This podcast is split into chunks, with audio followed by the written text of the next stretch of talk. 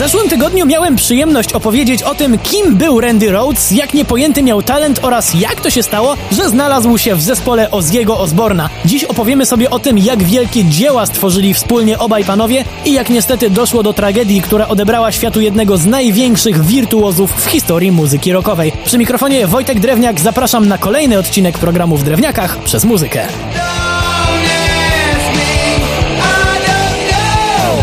Kiedy pierwszy skład solowej ekipy Oziego się ustabilizował, panowie weszli do studia, żeby zarejestrować swój debiut The Blizzard of Oz. Generalnie z tą nazwą to jest dość ciekawa historia, bo początkowo miała to być nazwa nie tylko debiutu, ale i całej kapeli. Jednak ktoś z działu marketingu stwierdził, zresztą moim zdaniem słusznie, że płyty lepiej będą się sprzedawać po prostu pod nazwą Ozzy Osbourne, którego przecież cały świat znał z Black Sabbath. Wróćmy jednak do procesu twórczego, do powstawania tego krążka. Podczas preprodukcji, czyli przy opracowywaniu pomysłów na piosenki, Ozzy poprosił młodego Rhodesa tylko o jedno, żeby się nie ograniczał, nie patrzył na krytykę i grał to, co mu serducho przyniesie. Lepszej rzeczy od szefa chyba nie można usłyszeć. Randy nie dość, że był kreatywny jeśli chodzi o technikę, to jeszcze postanowił również dokonać istotnego przełomu w komponowaniu utworów metalowych. Na początku prac podszedł do Oziego i stwierdził: Słuchaj, wszystkie najcięższe utwory powstają w progresji akordów od A do E. To też proponuję tak nie grać. To było prawdziwe wyzwanie, ale Ozzy zgodził się i o zgrozo każdy utwór na The Blizzard of Oz jest w innej tonacji.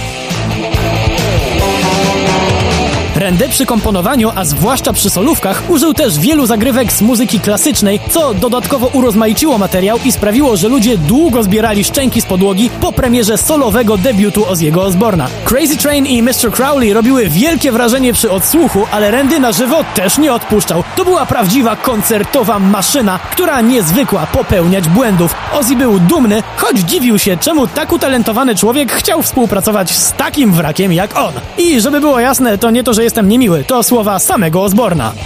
Trasa zakończyła się sukcesem. Po ostatnim koncercie na tym tournée kapela zeszła ze sceny i już nigdy nie spotkała się w tym samym składzie. W czasie przerwy w koncertowaniu nowa menedżerka i przyszła żona Oziego, Sharon, wyrzuciła basistę i perkusistę, ściągając na ich miejsce innych muzyków. Randy był mocno zażenowany tą sytuacją i zastanawiał się, czy może nie odejść, ale zabronił mu tego zwolniony basista. Powiedział, żeby nie robił głupot, tylko wykorzystał swoją życiową szansę. Randy dał się przekonać, tym bardziej, że materiał na nową płytę był już nagrany.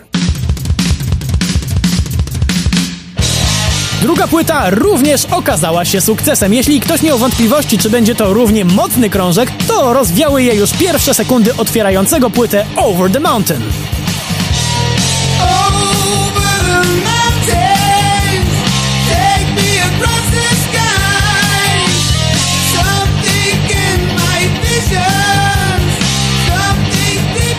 Randy znowu wzniósł się na twórcze wyżyny, co oczywiście dostrzeżono. Rhodes zgarniał masę nagród i wyróżnień. Nazywano go młodym Van Halenem, ale to nie koniec, bo razem z Grooverem Jacksonem pracował nad nowym modelem gitary, który dziś marzy się każdemu młodemu gitarzyście. Charakterystyczna fałka z jednym rogiem dłuższym to właśnie pomysł Randiego. Początkowo nazywana Concorde, dziś znana jest jako Jackson RR. RR, jak Randy Rhodes.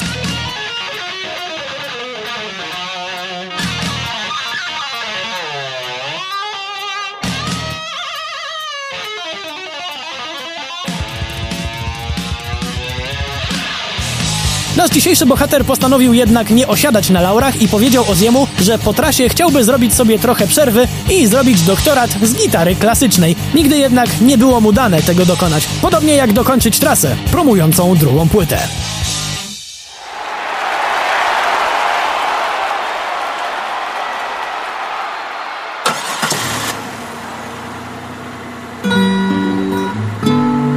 18 marca 1982 roku zespół zszedł ze sceny w Knoxville, zapakował się do autobusu i od razu ruszył w stronę Florydy, gdzie zaplanowany był kolejny koncert. Droga była męcząca, więc większość kapeli spała. Nad ranem bus zatrzymał się, żeby naprawić uszkodzoną klimatyzację, ale pech chciał, że w okolicy było też małe lotnisko, a znudzony kierowca busa, który potrafił latać samolotami, zaproponował rozrywkę tym, którzy akurat nie spali. Bez zgody właścicieli wystartował jedną z awionetek, początkowo robiąc krótki kurs z klawiszowcem, a później zaproponował przelot dziewczynie odpowiadającej za makijaż sceniczny i Randiemu Rhodesowi.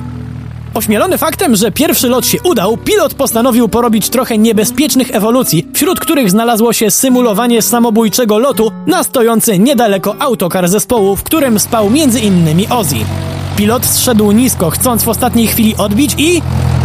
Udało się! Drugi raz też. Natomiast za trzecim razem skrzydło zahaczyło o autobus i samolot runął na ziemię. Zginęli wszyscy w awionetce. Ciało Randiego było w takim stanie, że udało się zidentyfikować je tylko po uzębieniu. Natomiast skoro już jesteśmy przy autopsji, to sekcja zwłok winowajcy całej tragedii, kierowcy autobusu, wykazała, że był on pod wpływem kokainy.